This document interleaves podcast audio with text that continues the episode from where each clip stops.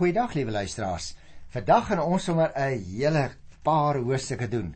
Hoofstuk 13 tot aan die einde van hoofstuk 15 uit die boek Joshua. Jy sal onthou as jy gereeld luister, ek het vir jou gesê mense kan die boek Joshua wat 24 hoofstukke het, eintlik mooi in die middel deursny en sê daar's twee groot dele. Eerste 12 hoofstukke en die laaste 12 hoofstukke. Dan kry mense ook weer elkeen van daardie twee groot dele in twee dele indeel. Nou ons is nou al klaar met die helfte, naamlik die eerste gedeelte, die eerste kwart het dan gehandel oor Israel trek die land binne 1 vers 1 tot 5 vers 12 en toe het ons 'n verlede keer klaar gemaak met die tweede kwart uh waar hulle die land in besit geneem het. Dit het gestrek van Hosea 5 vers 13 af tot aan die einde van Hosea 12 by die 24ste vers. Nou kom ons by die tweede groot hoofdeel. Met ander woorde Ek moet vandag begin by die derde kwart. Maar laat ek eers sê waaroor handel hierdie laaste 12 hoofstukke of as jy dit so om wil hoor, waaroor handel hierdie tweede groot gedeelte van die boek Joshua? Dit gaan oor die verhaal van nadat hulle nou gevestig is. Wat het toe gebeur? Daarom kan 'n mens hierdie 12 hoofstukke in twee dele indeel. So, uh dit bestaan dus uit die verdeling van die land En dan die laaste gedeelte van hierdie groot deel handel oor die diens van die Here. Nou luisteraars, ek gaan nou begin met dan die derde uh groot kwart oor die verdeling van die land. En jy sal sien as jy jou Bybel voor jou dalk oop het, dit begin by hoofstuk 13. Joshua kry opdrag om die land te verdeel. Nou ek het reeds vir jou gesê ek gaan hoofstuk 13, 14 en 15 behandel en daarom uh, gaan ek net breë pennestreep betrek. Die rede is, as jy die Bybel voor jou oop het, sal jy sien dit is een koning se naam na die ander koning se naam. Dit is een pleknaam na die ander pleknaam uh in hierdie drie hoofstukke. Wat wel interessant is, is daar word eers vir ons iets vertel van hoe dat Kanaan, die beloofde land self, verdeel is. En daarom die eerste 7 hoofstukke Kom ek gee vir jou 'n oorsig en dan doen ons dit 'n bietjie in groter detail. Maar jy sien die eerste opdrag wat die Here aan Joshua gegee het, was om die land binne te trek en dit in besit te neem. Die Here gee aan Israel die hele gebied vanaf die woestyn in die suide tot by die Libanon berge in die noorde, vanaf die Eufraat riviere in die ooste en die hele gebied van die Hittite tot aan die Middellandse See in die weste. Teen die einde van Joshua se lewe was al hierdie dele nog steeds nie deur Israel ingeneem nie. Dit was soos 'n lang proses om al hierdie hele stuk aarde te kan verower. Dit was tussen hakies eers in die tyd van koning Dawid, selfs in die tyd van Salomo sou die hele gebied uiteindelik eers onder Israel se beheer staan. Intussen gee die Here aan Joshua 'n tweede opdrag met 'n agneming van wat reeds verower is en ook met 'n agneming van wat nog uitstaande is moet Joshua die land onder die mense van Israel verdeel sodat elke stam 'n eie grondgebied kan hê om op te woon. Hy moes die land verdeel deur die lot te werp, maar ook in ag te neem dat Moses sekere gebiede reeds aan die stamme van Ruben en Gad en die halwe stam van Manasse gegee het aan die ooste kant van die rivier. Ons het daarvan gelees al in Numeri by die 23ste hoofstuk. Jy sal ook nog onthou Jakob het ook reeds in sy tyd die nageslag van Josef, dit wil sê dit is nou Efraim en die ander helfte stam van Manasse, grond toegesê. Jy kan die verhaal weer gaan lees in Genesis 48 vers 22. En toe hy sy seuns geseën het, daar in Genesis 49. En toe het hy al aangedui waar sommige van hulle se nageslag eendag sou woon. Ook Moses het later die 12 stamme geseën daar in Deuteronomium 33 en aan hulle bekend gemaak watter soort grondgebied elke stam sou ontvang. So kom ons kyk nou 'n bietjie in groter detail na hierdie eerste 7 verse van Joshua 13. Joshua was al baie oud.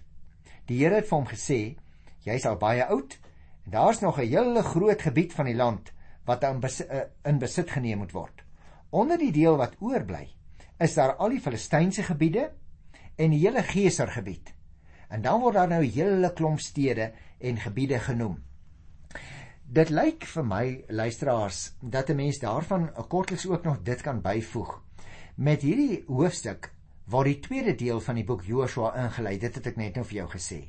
Die land word beskrywe van die woestyn af, van die Libanon af, Groot See, Efraat, die hele gebied van die Hittite. Maar die punt is, hy begin om te sê Joshua was al baie oud. En daarom kry Joshua nou die opdrag om voort te gaan met die verdeling van die land. Die dele wat nog nie verower was nie, word ook uiteengesit, maar ek gaan nou nie daaroor gesels nie, en die bewoners van die onderskeie gebiede word vermeld. Nou ons sou lank kon stil staan by al daardie bevolkingsgroepe luisteraars, maar ek wil dadelik sê van sommige van hulle weet ons nie baie nie. Kom ek lig een uit. Daar word byvoorbeeld gepraat van die Filistyne. Uh daarso so in vers 3 lees ons dit is die gebiede van die vyf Filistynse regerders. Nou weet ons, hulle het in vyf stede gewoon. Gaza, Asdod, Askelon, Gat en Ekron. En interessant, daardie stede sal jy onthou was daar so so bietjie na die suidweste geleë op die kus of naby die kus eintlik van die Middellandse See. Elkeen van daardie Filistynse stede het 'n sterk muur rondom gehad. So in Joshua se tyd is hulle nie verower nie. Daar is wel nog die Enakite wat daar gewoon het en sommige van hulle is wel doodgemaak kort na die inname van die land. Dit gaan dus oor 'n hele lang proses. As jy nou sou kyk in jou Bybel van die 8ste vers af in Joshua 13, dan is die opskrif daar die Israelitiese gebied oos van die Jordaan. Nou daaroor het ons ook gesels. Ek gaan dit weer eens nie in detail behandel nie, want hier is 'n klomp name en plekke. Ek wil net oorsigtelik weer 'n uh, klompie breë lyne trek tot daar by vers 33. Moses en Joshua het saam deel gehad aan die verowering van die land en het ook saam deel gehad aan die tweede opdrag om dit te verdeel. Nou wanneer ons nou hier van vers 8 af lees, dan merk jy nou die gebiede wat Moses voor hy dood is en voordat hulle die beloofde land ingetrek het, die gebied wat hy uitgedeel het, word nou hier beskrywe. Dit was naamlik Moses se aandeel aan die uitvoering van God se opdrag om die land te verdeel meer besonderhede oor Moses se aandeel uh, het ons ook behandel in Numeri. Uh veral Hosea 22 en as ek reg onthou, Hosea 31 en Hosea 32. En nou sal jy uit daardie gedeeltes onthou, die stam Ruben het die gebied aan die oostelike oewer van die Dooie See ontvang.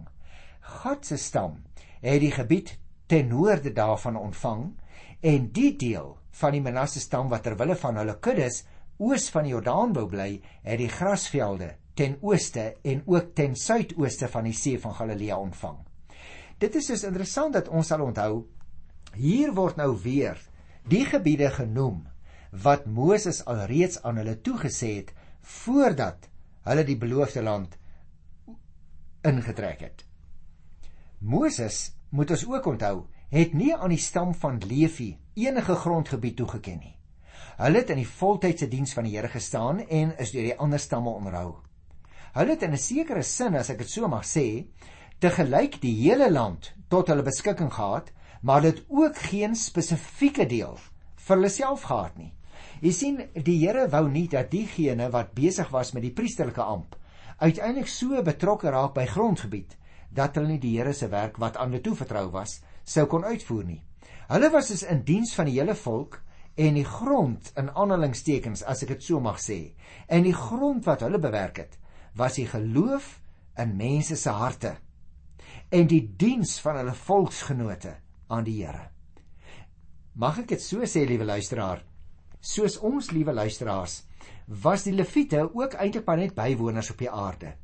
Hulle het geen vaste burgerskap in die wêreld gehad nie. Hulle burgerskap was in die koninkryk van God.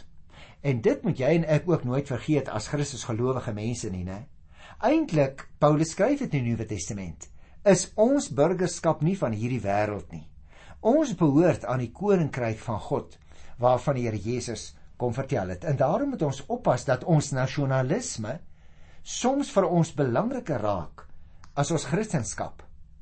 Die ou Israeliete moes oral leef en werk, maar by name die Lewiete Hulle kon nie die grond wat hulle bewerk opeis en sê dit is nou my stuk grond nie. Hulle werk was die werklike tuiste van God wat in hulle harte woning gemaak het. Daarom het hulle nie op aarde grondgebied gehad nie. Hulle was in die Here se diens. Ek wonder of ek 'n slaggie vir jou mag vra. Waar sou jou tuiste wees as mense na jou kyk en hulle kyk na jou lewe, sou hulle besef jy woon maar net tydelik hier of wat sou hulle van jou dink? Nou goed, ek gaan die 13de hoofstuk hier laat want ek wil ook graag 'n paar breë opmerkings maak oor hoofstuk 14. Nou, liewe luisteraars, hier kry ons ook 'n hele klomp name weer in Joshua 14. Die opskrif is die Israelitiese gebied wes van Jordaan. Kom ek begin by die eerste 5 verse. Dan gesels ons so 'n bietjie daaroor. Daar staan: Hier volg nou 'n oorsig van die gebiede wat die Israeliete in Kanaan ontvang het. Die priester Eleazar en Joshua die seun van Nun het saam met die stamhoofde die gebiede aan Israel toegeken. Dit is aan die nege stamme en die halwe stam. Dit is gedoen deur loting soos die Here deur Moses beveel het. Aan die ander twee stamme en die halwe stam het Moses mos 'n gebied oor kan Jordaan toegeken. Nou ek het dit nou nog vir jou verduidelik. En aan die Lewiete het hy nie 'n gebied toegeken nie, saam met die ander nie. Dan word die nageslag van Josef genoem, luisteraars hier, en vers 5 sê die Israeliete het gedoen wat die Here vir Moses beveel het en hulle het die land verdeel. Kom ek trek breë penne strepe oor hierdie uh eerste 5 versies. Ons lees hier Joshua voer sy opdrag uit om die land te verdeel op 'n baie bepaalde manier. Hy volg presies die voorskrifte wat God aan Moses gegee het daar in Numeri 26 van die 52ste vers af. En hy verdeel die gebied wes van die Jordaan in 9 en 'n halwe dele deur die lot te werp en aan elke groep 'n deel in ooreenstemming met hulle grootte te gee. Met ander woorde, die groter stamme het groter grondgebied gekry en die kleiner stamme minder grond. Die Lewiete, het ons nou reeds gehoor, het egter nie 'n eie grondgebied ontvang nie. Baie interessant. Die Josef stam is in twee verdeel, naamlik Efraim en Manasse, en aan elkeen is 'n stukkie eie grondgebied gegee. En dan kom ons by die gebied wat Caleb se was. Mens lees daarvan in Josua 14 vers 6 tot 15. Nou jy onthou nog liewe luisteraars hoe dat Joshua en Caleb die enigste twee ouens is wat 'n positiewe berig teruggebring het nadat hulle die land moes gaan verken. Gaan lees gerus weer as jy wil, so bietjie vooruit in Joshua 19 vers 49 en ook oor Caleb as jy wil, kan jy terugblaai nou is ek 14 van vers 6 af. Uh want hulle het elkeen 'n stad van hulle eie ontvang om daarin te gaan woon. Dit was natuurlik die uitvloeisel van die feit dat hulle destyds die enigste 2 van die 12 verkenners was wat nie bang was om reeds vroeg die beloofde land in te neem nie, maar uiteindelik wou die volk dit nie doen nie. Caleb het naamlik die Here getrou gevolg en God het destyds aan hom beloof dat hy en sy nageslag in die land sou gaan woon wat hy saam met Joshua verken het. Hy dui nou die bergwêreld by Hebron aan as die gebied wat God aan hom beloof het. Die gevreesde Enakite woon in daardie gebied. Maar net soos Caleb destyds oortuig was dat hierdie mense oorwin sou kon word. Onthou jy Numeri 13 naby vers 30. Soos hy nou ook nog steeds vas in sy hart oortuig dat die Here by hom sal wees sodat hy hulle kan verower. Mens lees dit hier in die 14de hoofstuk by vers 12. Hy sê miskien sal die Here by my wees sodat ek hulle kan verower sodat soos hy beloof het. Caleb duins dus nie terug vir die gevaar nie. Hy is bereid om op die plek te gaan woon wat die Here vir hom en sy nageslag beloof het. O, die God aan wie hy getrou is, is natuurlik ook getrou van sy kant af om sy beloftes te hou en Caleb kan op hom vertrou, selfs ja, selfs al wag daar gevaar.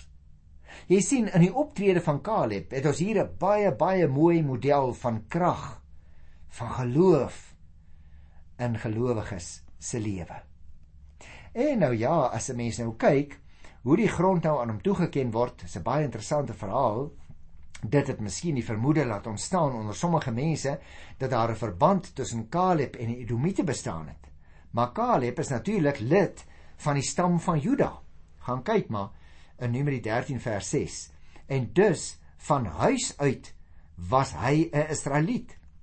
Caleb bely telkens sy geloof op so 'n manier dat hy kan getuig dat hy die Here vertrou, dat hy die Here ook gevolg het, dat hy nou nog steeds op die Here vertrou. Daarom vind ons hom hier voor Joshua met die versoek dat die beloofde grond wat Moses vir hom gesê het hy sal dit kry as mondstuk van die Here, dat dit nou aan hom toegeken sal word.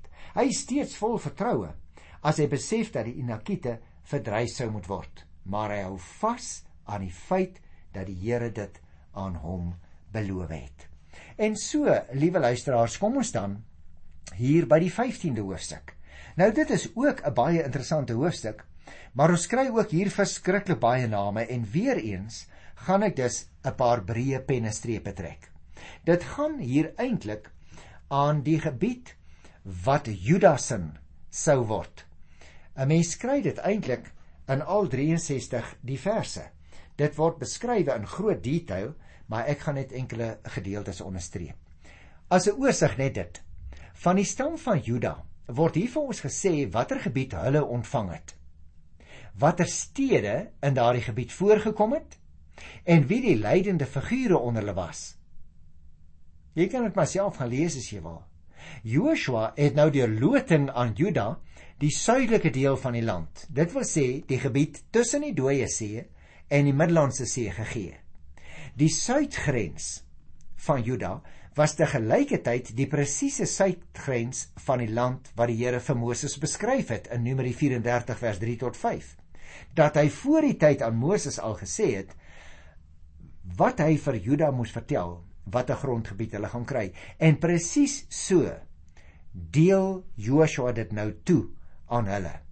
Moses en Joshua sal jy nog onthou, word juis deur hierdie grondbepaling weer eens in direkte verband met mekaar gebring. Soos Moses bepaal het, so deel Joshua nou die grond uit. Nou goed, kom ons lees daai eerste paar verse in die boek uh Joshua by Hosea 15. Aan die families in die stam Juda is deur loting 'n gebied toegeken wat suidwaarts gestrek het tot aan die verre suidgrens van die Sinwoestyn teen die grens van Edom. Nou Juda kom eerste aan die beurt hier. Die suidelike grens is dus 'n denkbeeldige lyn wat suidwaarts van die suidpunt van die Dooie See af geloop het en dan weswaarts gestrek het.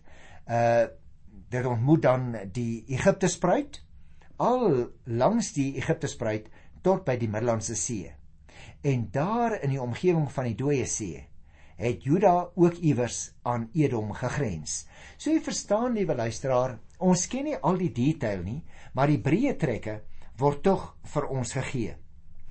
As 'n mens nou lees van vers 20 af, dan kry jy byvoorbeeld die stede in die gebied van Juda. En daar is 'n hele klomp stede wat by die naam genoem word. Ek wil ook van vers 20 tot by vers 63 dan net so 'n paar breë pennestrepe trek. Want jy sien luisteraar, die grondgebied van Juda het uit verskillende distrikte bestaan. In elke distrik was daar stede met buiteposte in die omgewing.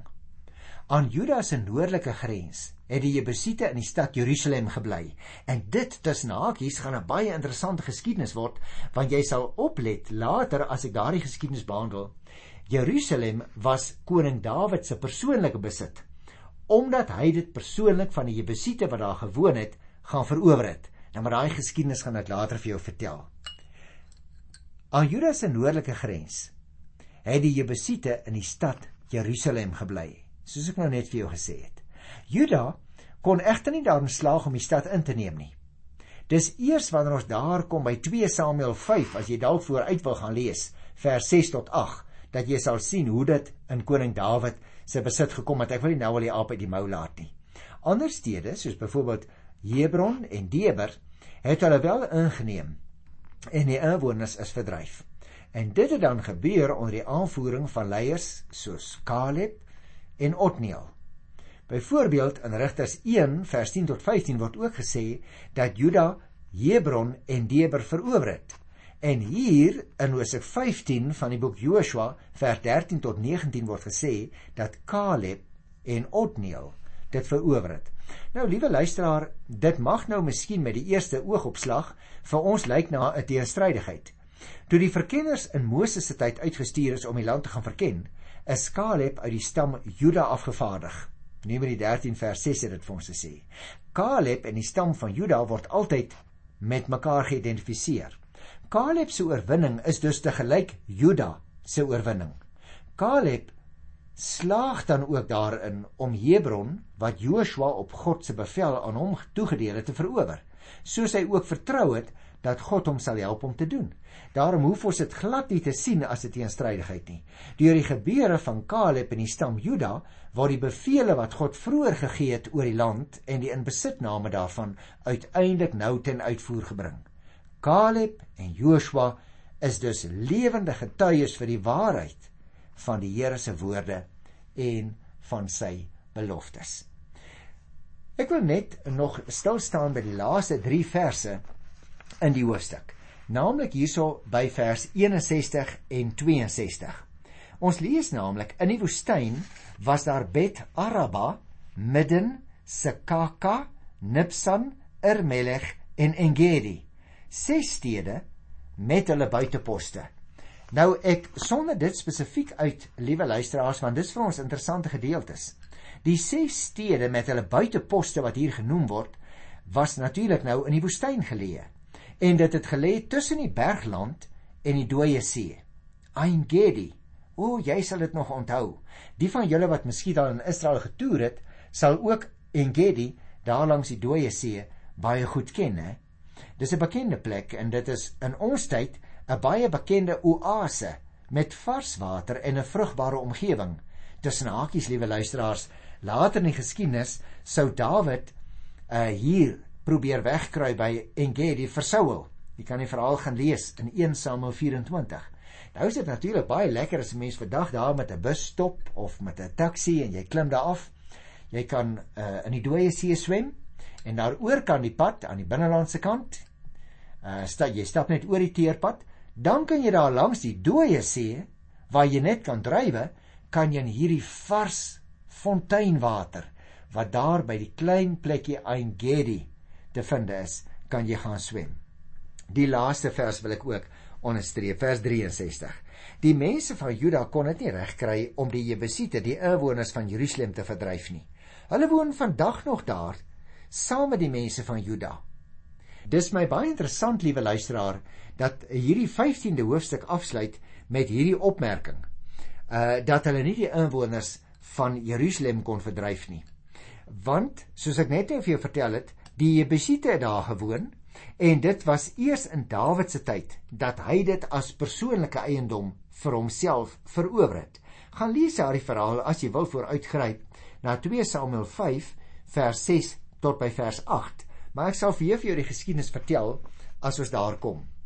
As ek dus kyk na hierdie drie hoofstukke waaroor ek nou 'n paar breë pennestrepe getrek het, liewe luisteraars, hoofstuk 13 tot 15 in die boek Joshua, dan sou ek hierdie slotopmerking wou maak.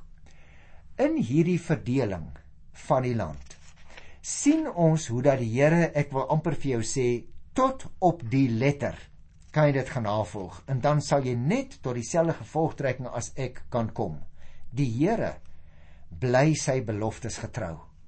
En soos wat hy aan Moses, sy ou dienskneg beloof het, soos wat hy ook aan Joshua gesê het, so het hy presies gedoen. En uiteindelik het elke een van die stamme 'n stukkie grondgebied gekry, behalwe die Lewiete. Hulle was in diens van die Here. Ek wil vir jou ten slotte vra. Al besit jy 'n erf of 'n plaas of net 'n huis of 'n woonstel, is dit wat jou betref ook die Here sinne? Of dink jy jy het regtig daarop aanspraak? Hy het dit vir jou gegee.